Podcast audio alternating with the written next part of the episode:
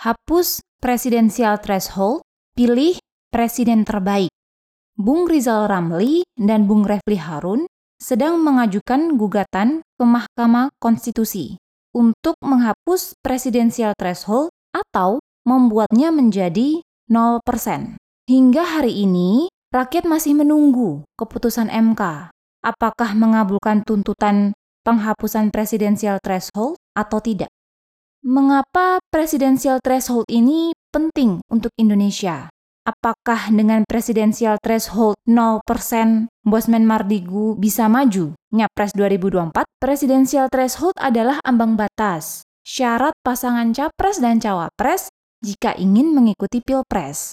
Calon presiden dan wakil presiden harus diajukan oleh partai atau gabungan partai dengan total suara 25% kursi di DPR atau 20% suara nasional. Itu adalah aturan yang masih berlaku hingga saat ini.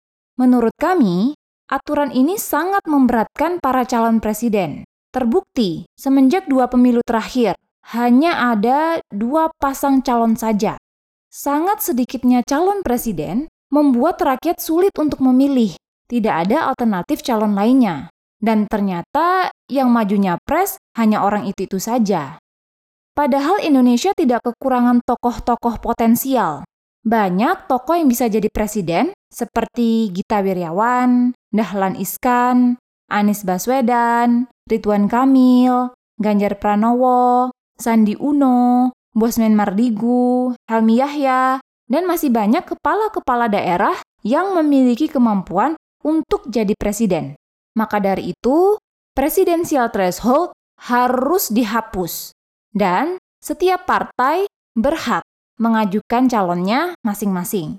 Mari kita kawal terus MK agar mengabulkan tuntutan rakyat untuk menghapus presidensial threshold agar nantinya terpilih pemimpin terbaik untuk Indonesia.